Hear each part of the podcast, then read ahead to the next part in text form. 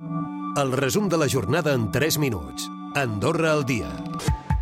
Govern ho va deixar clar en el darrer Consell Econòmic i Social. En el cas que sindicats i patronal no consensuïn un acord sobre la pujada salarial de cara a l'any vinent, no intervindrà i cada empresari aplicarà el percentatge que consideri oportú.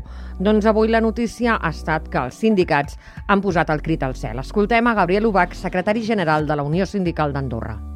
Això per nosaltres ens crea un problema perquè, clar, mm, si no arribem a un acord, el govern diu que ells no intervindran i el que tenen clar és que llavors cada empresari podrà fer el que voldrà. Això ja és el que volia eh, la patronal des d'un principi i això ens deixa els sindicats en una posició molt delicada. La Unió Hotelera té clar que vindran molts més treballadors de Sud-amèrica i que s'haurà de fer el possible perquè s'integrin al país. Ho ha explicat avui Jordi París, el seu president, en una entrevista a l'Obert per Vacances de Ràdio Nacional sobre els comentaris i opinions sorgits al voltant de la possibilitat que l'Alt Urgell es converteixi en un territori dormitori per treballadors andorrans. París opinava el següent.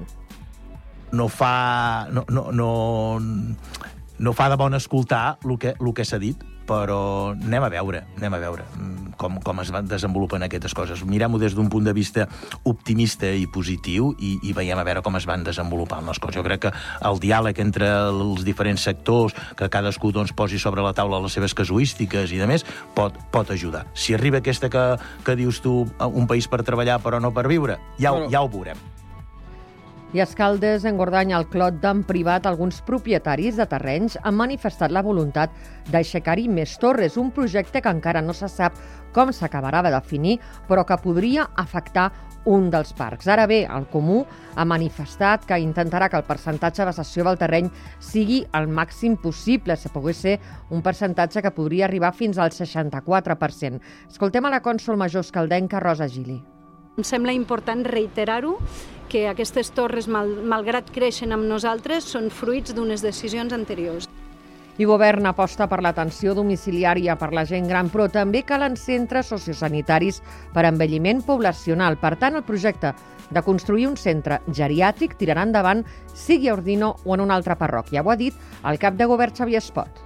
De fet, nosaltres no podem descartar ni deixar de descartar res. En tot cas, la, la, la paella pel mànec la té el Comú d'Ordino, no?